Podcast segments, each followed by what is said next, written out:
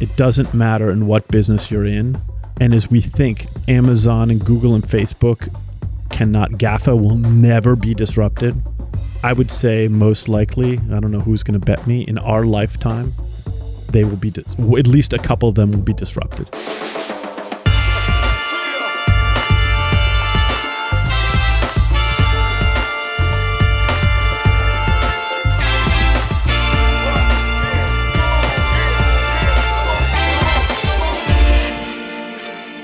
Hallo, goedemorgen, goedemiddag of wanneer u dit ook luistert. En welkom bij de Brief, de podcast over content, marketing en uh, media. Vandaag is het 3 september 2018 and you're listening to a very special episode of The Brief. Why? Because this episode is going to be entirely in English because our guest speaks English and we tend to be welcoming to our guests. But before introducing him, on my left hand side, my dear friend, my dear colleague, uh, Matthijs Tilman. Hello. Should I call you Matt now that we're doing this in English? Yeah, it's what I usually do myself. Oh, but, because uh, uh, just to sound cool, or no, it's usually easier. okay, perfect. Uh, standard question: Did you see any cool content the past two weeks? Yes, read a great article in The Guardian, um, the renowned English newspaper, about TripAdvisor, um, and and uh, to be specific about how TripAdvisor changed travel.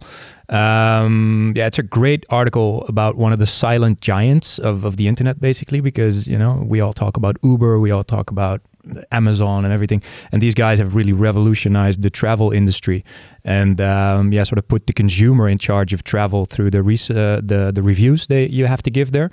Um, some facts from the article: like 500 million monthly users on the platform, um, which sort of calculates down to 16. Uh, one in every 16 people on Earth goes to TripAdvisor once a month, which is insane. And there's 660 million reviews on the website. Um, so it really shows the power of the review economy, but they also dive into the, the negatives of, of, um, of these review based systems. Uh, for example, like a couple of bad reviews can close a business. They actually calculated that one extra star review on TripAdvisor is good for about 9% uh, extra turnover for, for a restaurant and a hotel. So the power of this website is enormous. And, and if it becomes this powerful, there's also a very dark side about it with fake reviews and all kinds of stuff like that.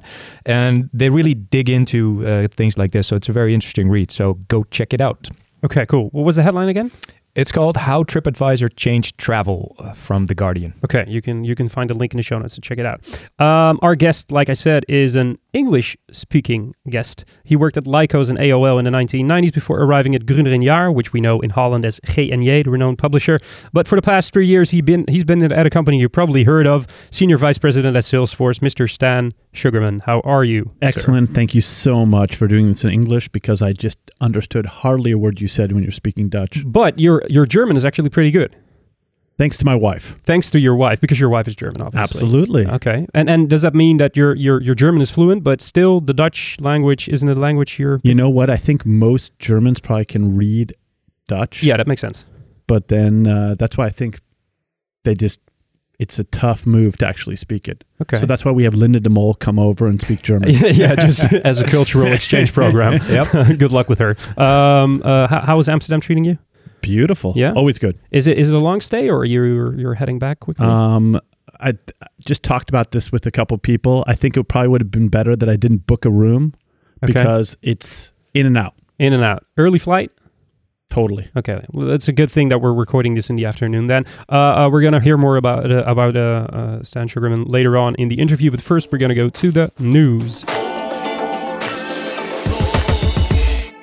And we're in the studio talking about the three news items that basically had the media and content world in their grasp, or according to our editorial team. Uh, uh, the first item is about uh, a Dutch campaign, actually, called First Blood. And First Blood is a campaign developed for uh, Sanquin. And Sanquin is a blood bank, a literal blood bank, so a, a place where you go to donate blood. Uh, and they had a sort of like a problem because their core audience got older and older and they had trouble with the influx of new young blood donors. And they decided to reach those new potential donors through an interesting channel through gaming because they developed uh, a, a campaign alongside uh, riot games. And riot games if you're not a gamer that's the development company behind the immensely popular online game, League of Legends, basically the biggest game in the world, I think, right now.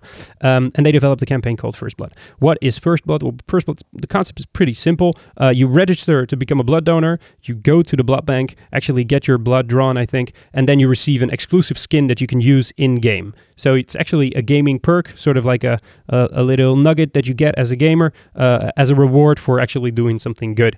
Um, and the little wordplay between First Blood and that's that's an expression in gaming. I think when you're the first one to kill someone, you actually gain first blood or something like that. I'm not a gamer. Um, I thought it was a really nice idea. The campaign was developed by the by the agency Two Basics, which you actually know because we interviewed their founder Ruben Haukes in one of our first episodes. I thought it was a really nice idea. Matt, are you uh, are you a gamer? What do you think of the campaign? I love it. I think it's it's a great use of, of a new medium. Um, not many companies are there, so it's it's definitely one of the blue oceans where where uh, yeah, it's very smart to to get a lot of impact and uh, for for probably a relatively low amount of money.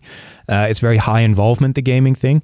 Um, and it's probably a, bit of a badge of honor, you know, if you can put that skin on in the game, you can uh, probably improve your character. I, I, don't know exactly how that works, but it's uh, it, it, works on all ends, you know. So it's uh, yeah, it's great. Yeah. Compliments to the guys. Yeah, it's, it's a really cool idea, and um, they actually had an insight that people that game are actually uh, um, tend to think about uh, these social issues like donating blood and stuff more than other people apparently. So they thought that would be a really nice audience to uh, to try and uh, and attract. Uh, really nice campaign two basics. Well done. Uh, stan are you a gamer?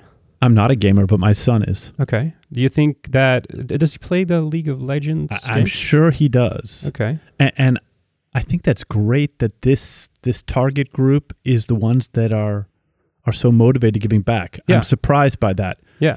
But you know just looking at him and walking into his room that's unmade and seeing him like gazing with catatonic eyes at his, you know, screens.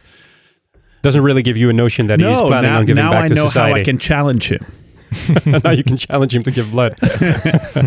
no, I th- yeah, it's a really original. Uh, like, Kevin, you're actually a gamer art technician. Uh, just by nodding, do you think it's a successful campaign? Yeah, yeah.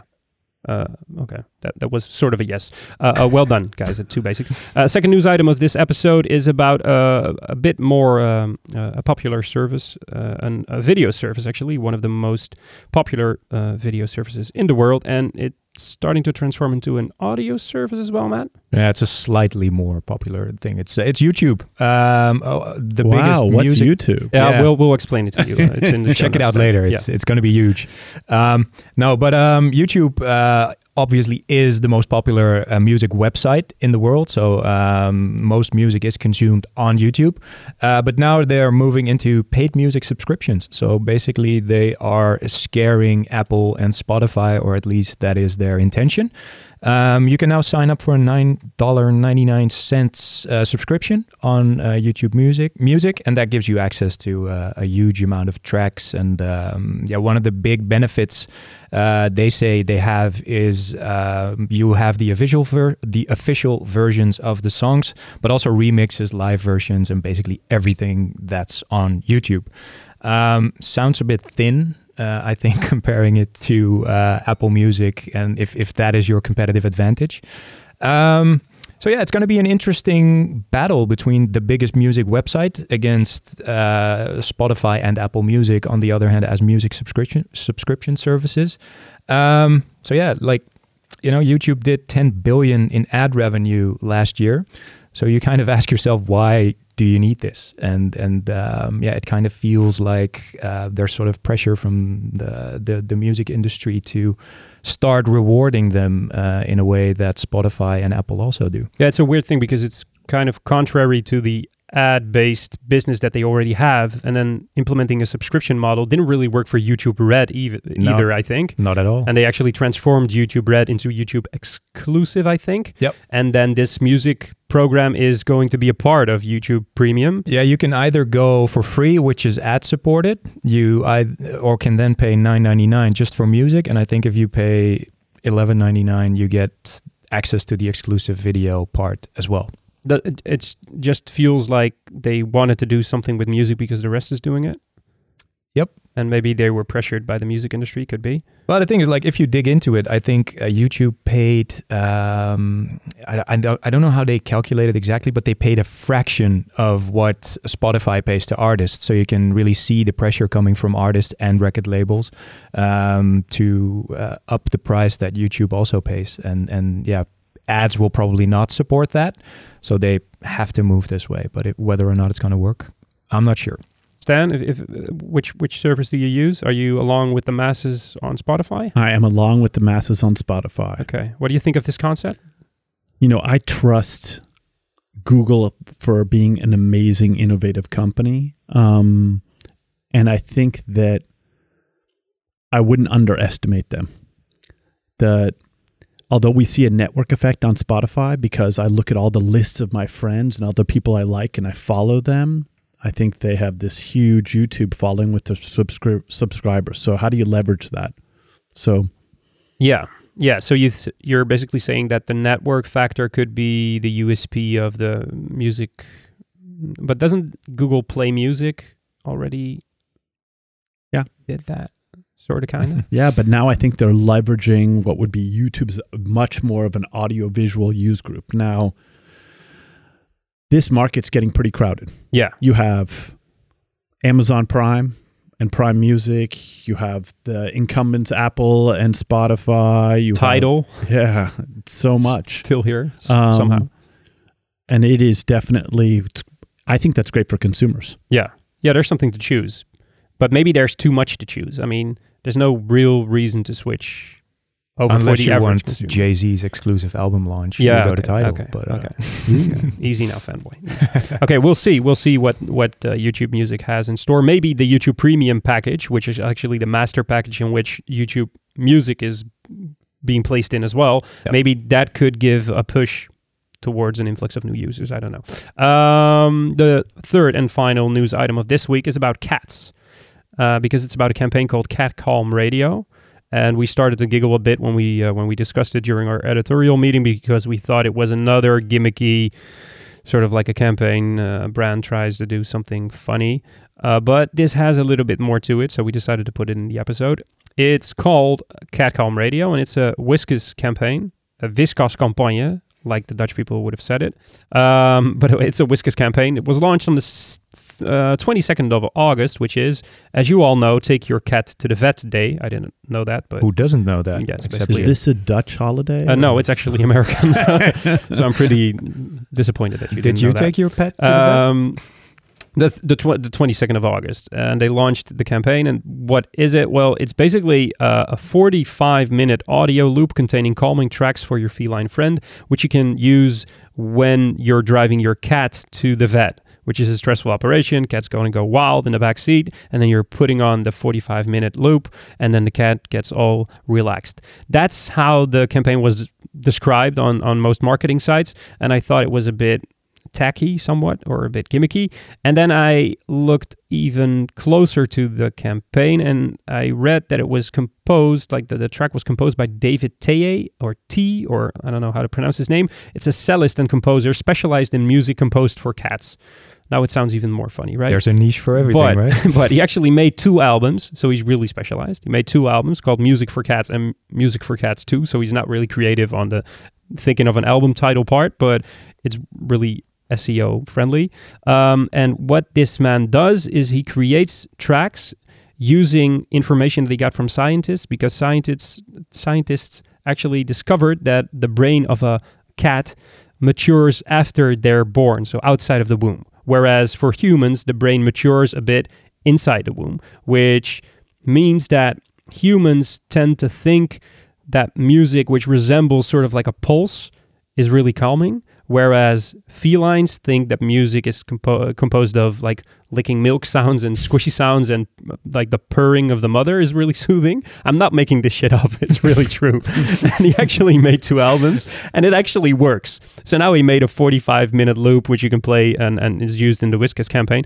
Um, I actually listened to it and it does really sound like a big mom cat feeding her youngins and I, I tend to believe that it actually works and I, I got a little calm myself when listening to it uh, matt you're basically are you ready to go to the vet now mm, well a, a, bit yeah But I am calm enough to go to the vet.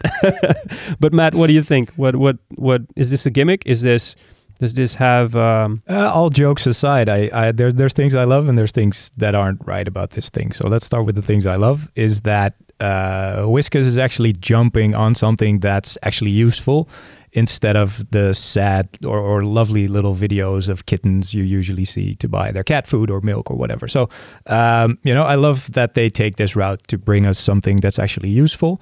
Um, what I didn't really like is is when you see the website. So the initial trigger was, oh, nice, they do this. And then you start thinking about, okay, so they actually say you use this in the car to the vet. And then there's only a micro website where the track is listed. It's not on Spotify, it's not on Apple Music, it's not on SoundCloud, or I have completely missed it.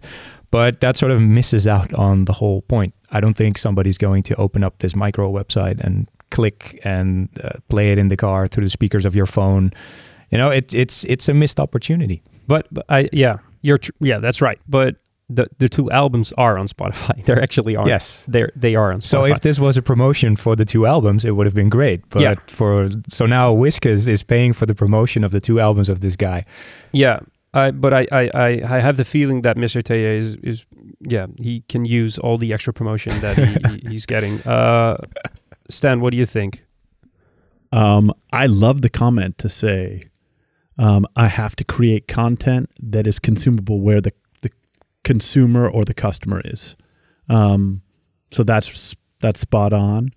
And hey, if they can soothe you and all the cats in, in Holland, they're on to something. yeah, that's a good, that's a good one. Uh, uh, yeah, well, m- well, we'll have to see if this is a is a gimmick or not. Um, it did make this episode as a news item, so that's a success for them. Um, if you're curious of the soothing sounds of Mr. Teie's cat music or uh, interested in one of the other news items, you can visit our page, the show notes at www.wayneparkerkent.com slash podcast or click on the link in the description of this episode. Um, we're going to go to the interview first, but first we're having a little message for you.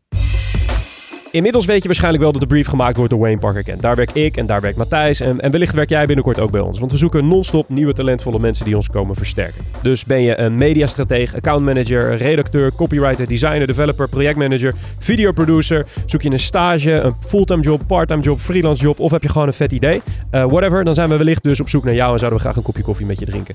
Alle openstaande vacatures vind je op wayneparkerkent.com slash jobs. En wat je ook kan doen is klikken op het linkje in de beschrijving van deze aflevering.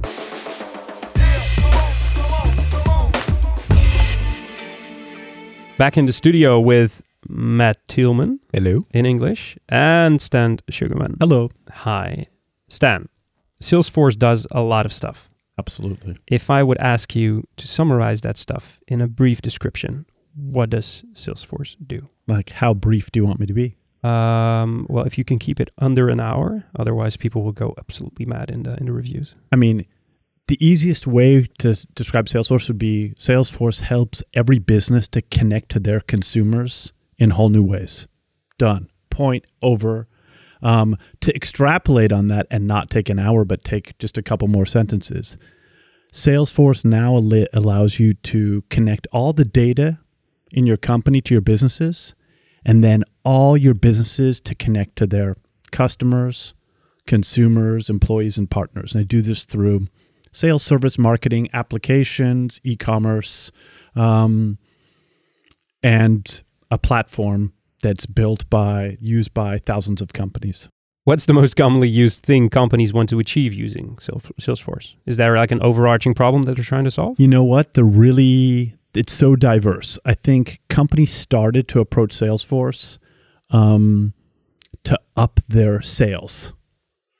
Um, and that's basically how the company was started by doing Salesforce automation. How do I run my opportunities, my contacts, my leads, um, and really professionalize my Salesforce? And that's kind of now gone to a different level as Salesforce has become this global number one CRM platform, kind of the the originator and the founder of the cloud. As companies come to us to transform their businesses and to transform them in a digital world. Exactly. So it's really the partner of that digital transformation process. So that's the biggest problem that companies are still trying to get their head around, or is it more? I, I, I think every company, is one trying to grow their business and be innovative and do this um, having to match their employees' capabilities with technology. And Salesforce is a great platform that companies use to get to the next level. And some of the world's leading companies are powering their growth through Salesforce. And whether that's Adidas selling tennis shoes and selling in, I think, Black Tuesday, where they sell, I think, 60 pairs of shoes every second, um, or that's the email you get from Uber telling you about your Uber driver, or that's uh, what you get for information from your Fitbit. All those journeys and all those interactions are powered by Salesforce. And and you said you're basically the original first party in this branch, like you're basically. Um, we didn't know what cloud. I think the founder of the company said he kind of said software as a service, or he said no software when he kind of paraded around founding the company in 1999. But really, he was creating the Amazon type experience for enterprises. And then, whoa, lo and behold, we have the word cloud computing, and Salesforce was at the forefront of that. yeah. And is it just for, for like the huge companies like Adidas, or is it also something for the, the bootstrapping startup with uh, with two people? Uh, actually, um, Salesforce was really founded on the small little tech startup. Um, and most of our business, of our 150,000 customers, are small, middle sized businesses. So we've just gotten into the big enterprise businesses, I think, in the last five to six years. How do you market a, a service like that when it when it's it's that huge, but also that applicable to small businesses? It, it sounds like a challenge there. Yeah, and, and I think coming from the media, my background was kind of a media child, working through all these internet one zero and and getting into two zero operations. You know, we thought you blast, you know, batch and blast is kind of you know, and and you'll reach your consumer. And Salesforce has for itself revolutionized marketing. Um, for a marketeer, for a media person, I basically I was awestruck how Salesforce used they drink their own champagne. We drink our own champagne because we use the Salesforce platform to actually reach out to possible customers using one-to-one marketing. We get them to these amazing events and then the magic is our customer success actually people buy the Salesforce products because they hear about what other customers are doing and how successful they are, and that's the big draw. So you actually have created an ecosystem that sells itself. Now, I know the salespeople of Salesforce, they're like, that's bullshit, Stan. Nothing sells itself. But this kind of model and this motion, this has really revolutionized how I think tech is sold. And is that one of the? I, I saw you saying in an interview that you like to focus on one USP. Like a lot of companies say, they have a lot of USPs, and you say focus on one USP. Is that the USP of Salesforce that it sells itself somewhat, or I think the USP of Salesforce is it is a customer success platform. Um, we'd say there are three USPs to Salesforce. We'd say one, it's the technology model. So you rent this technology rather than buy it. Um, I think that's also, and it's so that's the business model. The technology model is sorry about that, that it's multi tenant, that everyone gets the same version of Salesforce. There's only one version, it's the available version, just like you have the one iOS version. You should have the one iOS version. Um, it gets updated three times a year with all these functions. And whether you're the small mom and pop store on the corner selling tennis shoes or wine or clothes, or you're a huge enterprise like Philips, everyone gets the same version. Exactly? And the And, the last one, sorry, the last uh, kind of USP is um, we've revolutionized what we think is the learning model. So we've created a learning model because technology is changing so fast. We've created a, a self-learning platform called Trailhead, where you can keep up with all the stuff happening in the industrial, this fourth industrial revolution, and badge yourself and play kind of gamify learning. Those And- are the three things. and the, and that learning platform is broader than just the Salesforce stuff. It's industry wide, basically. Yeah, it's, and it's actually growing. That it's going into all sorts of micro learning, whether that is change management, marketing, um, how to give presentations, how to manage your organization. So it's basically claiming claiming that you actually make the organization better and their employees better, basically. Absolutely. And and to make like you you emphasize the, the the three USPs to make that a bit more concrete. What's the most impressive integration of Salesforce you've seen so far? Um, Big or small? Well, I think that um, Adidas is a real trailblazer. So when I think about how they have implemented Salesforce for for getting to and building relationships with consumers, and at the same time building the relationship with their retail partner and doing it on one platform and innovating, that's one of the benchmarks I've seen. There's a Dutch company here, well, Dutch Anglo Dutch Unilever, and I'd say they're an amazing trailblazer as well. Um, how they use the Salesforce platform to consolidate their business applications, to completely, yeah, reboot their innovation process on how they innovate, how they use the R and D, and how they shrink time to market for new products. And is there uh, something that smaller companies can learn from those big trailblazers, like a first step that they can take towards achieving that level of smoothness, so to speak? Yeah, I mean, I think you always look at what it's easier for a small startup to use it. So my my small startup example would be a company called Flixbus. I don't know if you've heard about them. They're expanding. Yeah, They're they're really hot right what, now. what what do they do exactly? They are the disruptor in transportation. So they are a bus service that is a marketplace for buses to trans competing with your train systems or with the, the airlines. It's the orange and green buses. You, I I think it's like Green buses. it's so incredibly cheap. I think you can go to Berlin for for 19 euros or something, and it's uh, and it's Flix, huge. Flixbus built their customer relationship, how people actually get to the service, find out about the service, and then get customer care and everything on the Salesforce platform. Now, to get where do you start? So you don't have to be this big company, and you don't have to be the startup.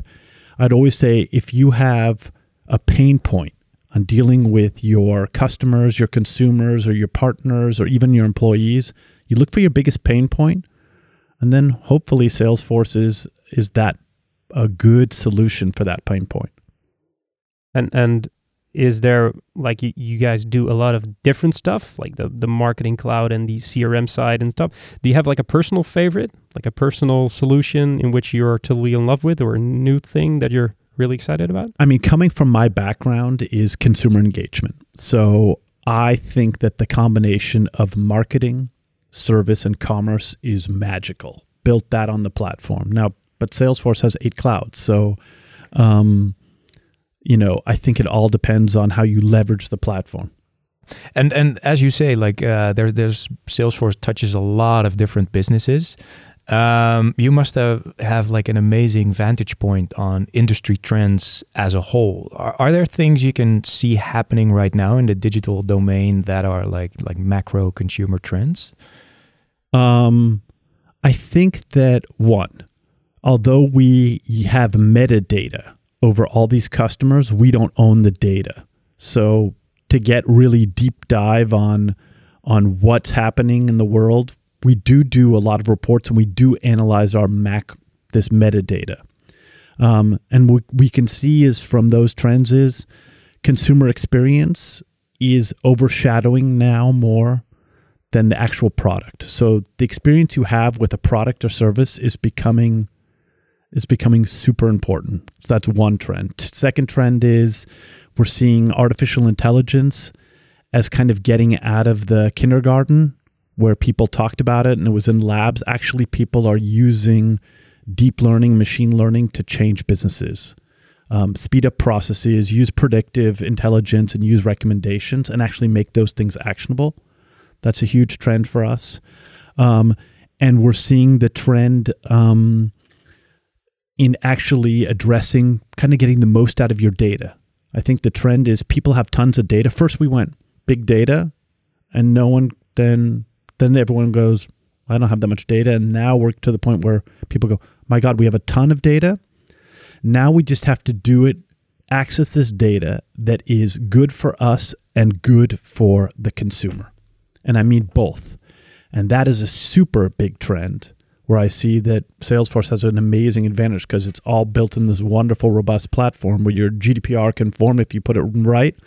Um, and you can do something where you can make a magical experience for the consumer or customer and scale your business. I actually read that you actually saw it a, video in which you promoted um, an artificial solution, artificial intelligence solution yourself called Einstein, which is a really Exactly. cool animation, sort of like a almost Disney movie, sort of like a thing. Uh, can you elaborate on that a bit more? Because I think that sort of ties in all of the different services together and actually analyzes the data for you. So this is Einstein is for us is our artificial intelligence solution that's baked into all of our platforms. So all those different clouds or applications.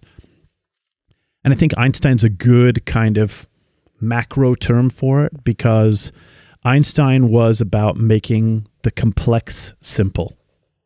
Um, and that's what Salesforce tries to do. They try to do is make artificial intelligence available for everybody and not just for a bunch of cracks sitting in Silicon Valley so that you can discover all your data and do it with no code or low code. You can then analyze that data and get predictions from it. You get recommendations from that data. That's what the Einstein engine does. And then you bake it into this platform to make those recommendations actionable. So the recommendations you're you're talking of is th- they're actually recommendations from your AI machine telling me, well, we see this and this happening in the data. Maybe you should do action A or action B." Exactly. So Yeah. if you can, in our sales cloud, if you are a salesperson, the Einstein engine would recommend what would you need to do in order to close the deal. So it would evaluate all the elements you've put into the system and then say the odds that your deal will close will go up by X percent if you now reach out to this C level executive.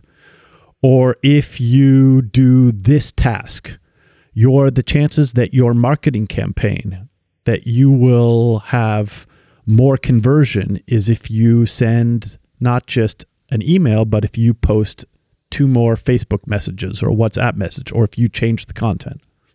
So that's be- and, and are you the first ones in your industry to actually offer such a accessible AI tool? I think that the way that we've done it with the UI and the simplicity is we are definitely a, a front runner. Um, and I think the fact that we made it so low code that anybody can access it is definitely innovative. Yeah. Um, Yeah, because I, I well, Matt is a uh, one of our, our strategists, so he's more data savvy than I am. I'm I'm a creative, as you might have noticed uh, from my my outfit. Um, I'm wearing a banana suit once again. Um, I like that but I yellow. th- yeah, but I thought um, the UI really looked accessible and really user friendly, and not really Excel esque. right. So so here's the thing. We media guys, I still consider myself the media guys, then you move into the tech industry and the first thing you do is you get nervous. You go, "Oh god, this is going to look like a bunch of, you know, code and how HTML tests showed up or some COBOL." And then you get to the Salesforce platform, and I think that's what's really revolutionized. Hey, it looks like when you go down and you scroll down our mobile app, it looks like a Facebook feed. Yeah. Right? Um, it is intuitive. And so was the company set up with. It was set up that you can use it as an end user like you use Amazon. You know, no one ever told you at Amazon, oh my God, I need to look at the YouTube video how I search for products in Amazon, right? Thankfully, I'm sure. I'm sure it exists, but I don't think anyone does it. Um, if we're doing our job well at Salesforce, then that's the aspiration that we have. That Yeah. it's so intuitive that it just any business user can just use it like they use Amazon. and and that means that the product is quite adaptable, almost fluid. Um, like a lot of different services can be connected to Salesforce. You can you can do a lot of different stuff with it. I was wondering what that adaptive and fluid character of the products and services actually mean for your organization, because that means that the organization needs to shift and move and think of all different types of new stuff all the time, and you guys are quite big, and that's not an exaggeration or understatement actually.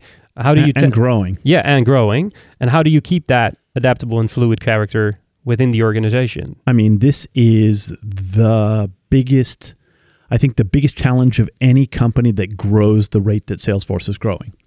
Um, 25% year on year growth in revenue, over 30,000 employees. We are hiring like crazy.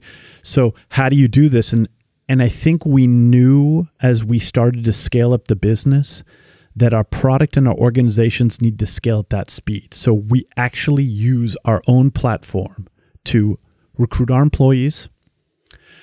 We send them an onboarding journey. So the minute you've signed your contract in DocuSign, which is on the Salesforce platform as well, you get a welcome email. Then you get your first 90 days, and you get your learning journeys. You get your onboarding buddy. You get all the information you need to get into your where you're working, and then you get your next journey. And that doesn't stop. So you've had to create this organization that works at scale.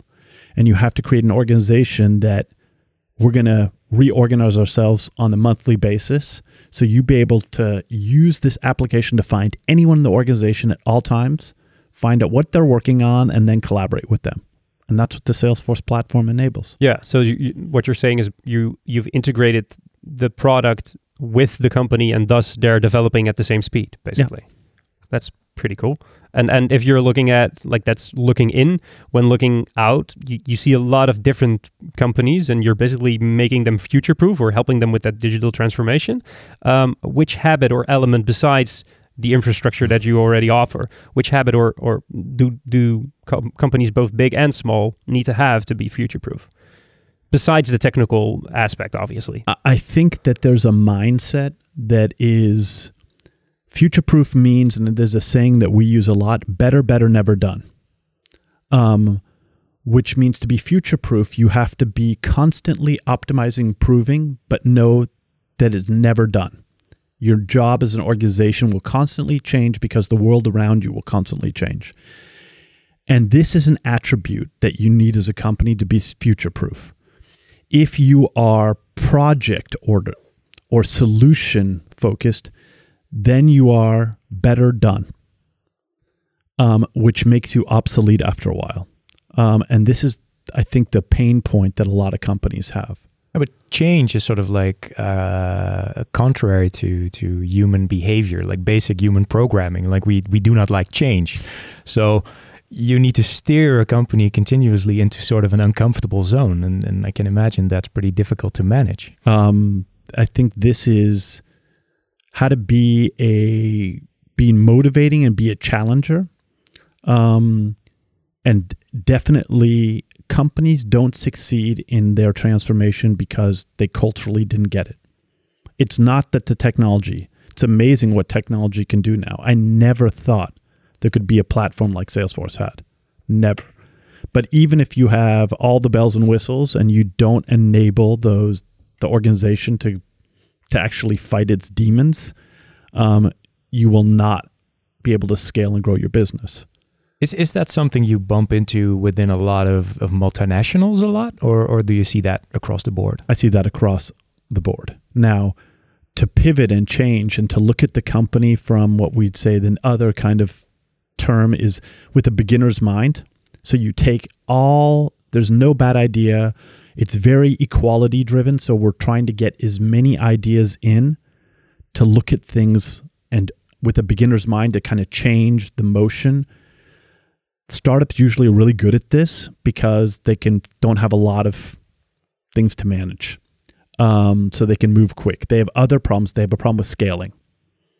Multinationals have no problem scaling. They have a problem looking at things with the beginner's mind. So I think you have to just bridge those two things. How can you take the best from a startup world, and how can you take the best from an enterprise world? And and one of those areas I think is Salesforce has become more and more a go-to because we we kind of fit that area where we're the bridge.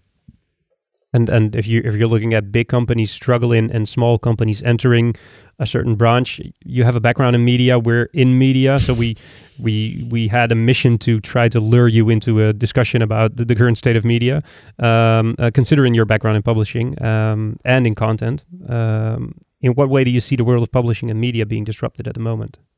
I mean, um, I saw it completely get disrupted as the barriers to entry came down. Digital production and and the digital channels were the barriers to entry for anybody to create content, and that disappeared with the web. And now the broadcasters are feeling that that's disappearing with how cost efficient it is to create amazing video production. So um, I see the the pace of disruption in the media industry getting faster. Um, that voice, virtual reality, um, efficient production, global scale is going to disrupt more and more businesses. In fact, the first disruptors have already been disrupted. Look at my ex employer, AOL, although they exist in oath. Um, Yahoo and AOL, they were completely disrupted. Um, just like the publishers have been disrupted, just like the broadcasters are now being disrupted by Netflix, Amazon Prime, Hulu, um, Facebook just launched something. So I say this pace is accelerating. And and do you see those new disruptors being disrupted anytime soon, or do you think that uh, the Googles and the Facebooks of this world are too big to fail, basically? This is my personal opinion. Disclaimer. E- everybody will be disrupted. Everyone. Yeah. So it's just it it doesn't matter in what business you're in. Um, and as we think, Amazon and Google and Facebook cannot GAFA will never be disrupted. I would say most likely, I don't know who's going to bet me, in our lifetime, they will be, dis- at least a couple of them will be disrupted. Because if you ask my father, who's a little older an engineer, if IBM could have been disrupted, he would have said, no way, never going to happen. Yeah. So so looking back, like in 1997, just wanted to go back in time a little Yeah. bit. Uh, in 1997, you started the, the digital ad sales department Yeah. at at Gruner and Jahr. Uh, can can you take us back in those days? What was it like? Um, it is well amazing because you have you are the disruptor. So, and in that part of the business, I had already kind I've already launched Lycos. So at the time, there was no Google. Everyone there was Lycos and Yahoo. There were like two ways to search the web, and there weren't a lot of web pages to search. Um, so creating an ad business at that time in continental Europe was pretty easy because we're like, okay, what are the formats going to be? We're just going to draw them up here on the board. We can't have too many SKUs. Let's have six banner formats. Oh, wait, we don't have people are entering the web at 56.6K. Yeah, K um, on a modem. Um, what does it mean for our website speed? So it was fantastic because basically we sat there as a group of people on a whiteboard and basically created an ecosystem. It was also super frustrating because you went to an advertising agency and pitched digital and they looked at you like, I don't understand it. I don't have anyone here. What we do is we do here's my texter who does an amazing print text. And this is my group who flies down to South Africa every 3 months to do great awesome, you know, television spots. We don't know what you're talking about. Get the hell out of here. How do I get my 30 second ad in that skyscraper? exactly. so so that was the frustrating part. But in I think in any new business, you always have this early adopters, and you have to get over this chasm. Um, and it, it it's really special to see that the digital and digital advertising is just so big right now. So they've crossed this chasm in a big way. Um, and I think that should motivate, be a spur of motivation for all of us when we look at things and there's naysayers. But you know from everything you're seeing about how people consume content that this is going to be the next big thing. It's going to be awesome. Then I would say I use my Alexa a lot at home. Um, I'm sure voice is going to be a really big thing. if it already isn't. Is is that the one thing you would bet your money on if if if I ask you like what's going to be the next thing in in the ad and media industry? Um, I definitely think it's going to take. It's going to be a very very important part of the business. Um, looking at the media part of the business, I also see richer virtual reality content as becoming a lot. I always look at my son as kind of what are teenage kids using, and if you look at the gamer area, you can look at some other industries to look at where the forefront is going. Gambling maybe is another one. You can see what's coming about. Um, and we are definitely at the start of the journey, not in the middle of this journey. And and when you were uh, we're talking about virtual reality and AI, like we're talking about in round about five years. When you look back five years with all the knowledge and learnings that you gained at Salesforce, imagine yourself going back to the Gruner and Jahr area. What would have you done differently with all the knowledge that you've gained? Oh wow! Um, I said, and and this is a this is not a critique on my former colleagues. I look at myself in the mirror, going, I was the chief digital officer of the company, and I spent way too much time on systems of records and old kind of replacing old systems that were going to add no value to my customer relationship. So if I could have, if I could spin back that clock and do my job again, I would have doubled down on anything that increased the engagement and the experience with my consumers. And is that insight a general insight in the media branch right now, to your opinion? I think that, well, I know what I do. When I meet with media executives, I tell them that, which what is not the case. I say advertising is the cherry on the cake. Your consumers and your customers, that is the cake. So you have to win those people back who actually consume your media. And I think most media companies lost sight of that. They created content and storytelling based on what the advertiser wanted them to do rather than what the consumer wanted. Um, and that's not a business model long term, especially because from the scalable point of view, platforms have consolidated that advertising market. Do, do you then believe also in, in going from from uh, like ad revenue to uh, consumer uh, or like paid mm-hmm. paid paywalls or subscription based models? Um, you know, if I could look at all the great content that my company produces, my ex company, and what they you know, we taught the user that there's great content. And I mean great content, not the repurposed commodity content. The great content, it was free. Um, and definitely, you maybe would not have won all the bells and you know you wouldn't have won all these prizes, but you would have built a fundamentally different business. Now, I don't think that's too late. In some areas, I see amazing strides. What's going on at the New York Times? Um, I see the Handelsblatt, which is another business press um, in Germany, who's kind of doing this. I'm looking in Holland. I think the Telegraph is starting to put paywalls, and the Guardian is also experimenting with donations for. And these are all in the right move to go. The consumer has to value content. And if you're like, that's basically uh, uh, differentiating way like differentiating the business model. If you're looking at your own business model at salesforce what are challenges on that side right now? So when you're looking at in about five years you you've done the ai stuff. Like you you you have the einstein guy. Uh, what's the next which thing? will never stop. Which will never stop.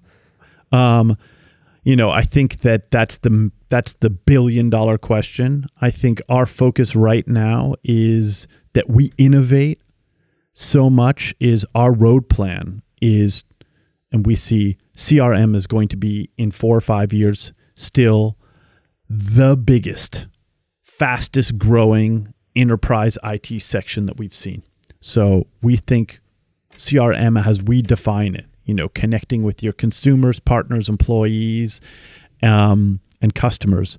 This is going to be in five years still our passion and we just made a big acquisition with MuleSoft and to connect uh, your data to your business. So this whole application world and creating an, an ecosystem for your applications, an application connector, API connector, I think that's going to be huge as well. So Salesforce has a huge, huge, uh, a huge potential um, in its radar to address for the next five years.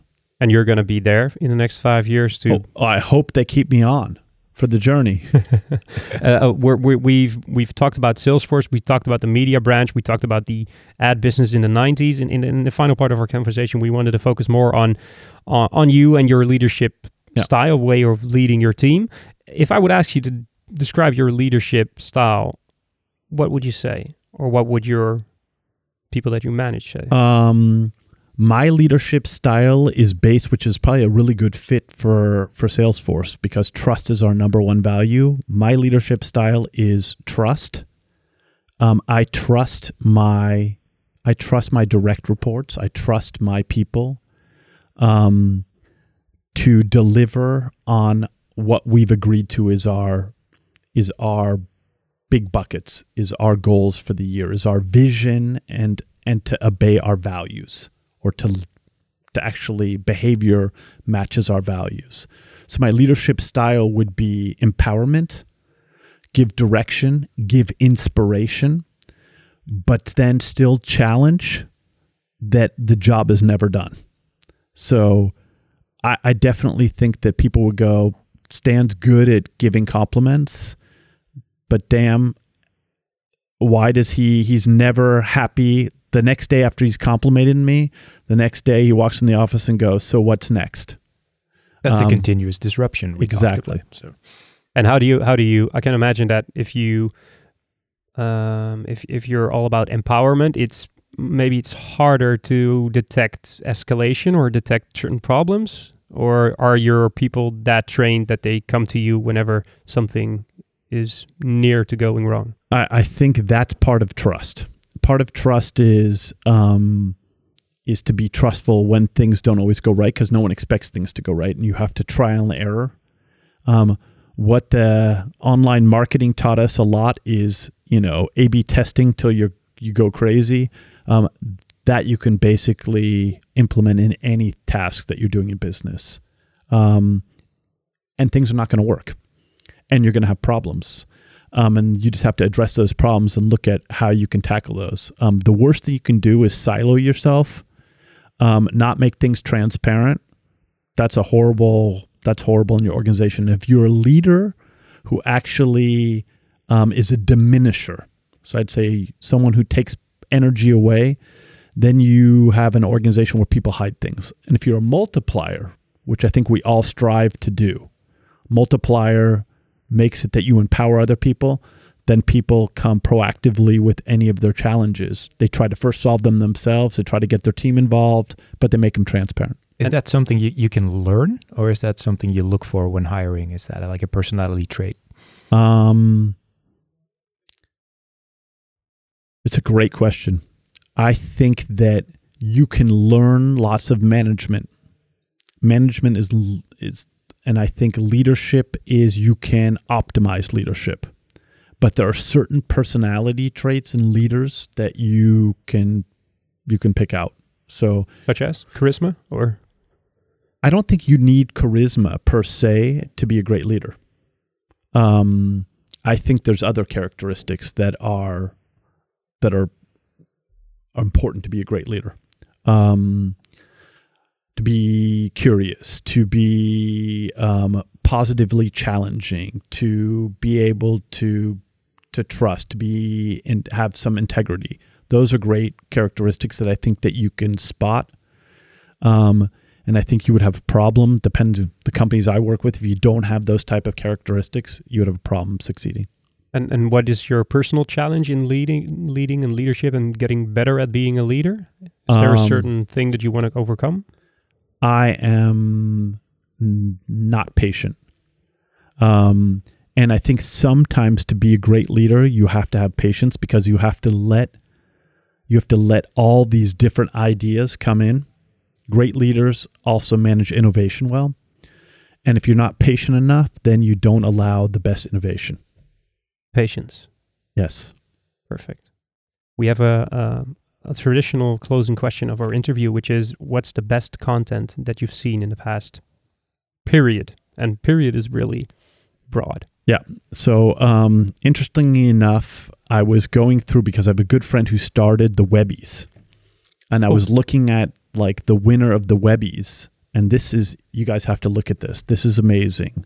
Um, it's called The Last Goodbye, and it won the Webbies, and it is a Holocaust survivor's visit to his old concentration camp done in virtual reality, which is really, really amazing. So you have this amazing document using the best technology. And what I thought was so special about this content, it was using the latest technology, but telling a story that won't be able to be, I mean, it'll be told as we go on, but from a firsthand witness that is not going to be around long enough. So if you get a chance, go to the Webby website, check out The Last Goodbye. Definitely worth your while. The last goodbye. We're going to put it in the in the show notes. Thank you, Stan Sugarman, Senior Vice President at Salesforce.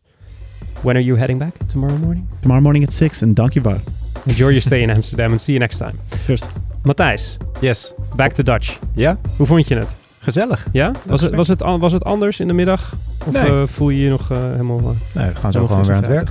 Nou nee, wij gaan naar de awardshow van de Beste Content Awards gaan wij straks. Oh ja. Om te kijken of we hebben gewonnen. En dat hoort u in de, de volgende aflevering. En die is over twee weken. De brief wordt gemaakt door VPK, de agency. Dat is het digitale bureau van Wayne Parker. Kent onze mediapartners en Adformatie en BNR Nieuwsradio. Productie is zoals iedere aflevering in de handen van de onverprezen Kevin Eiken. Die heeft geen microfoon, maar die gaat wel wat zeggen.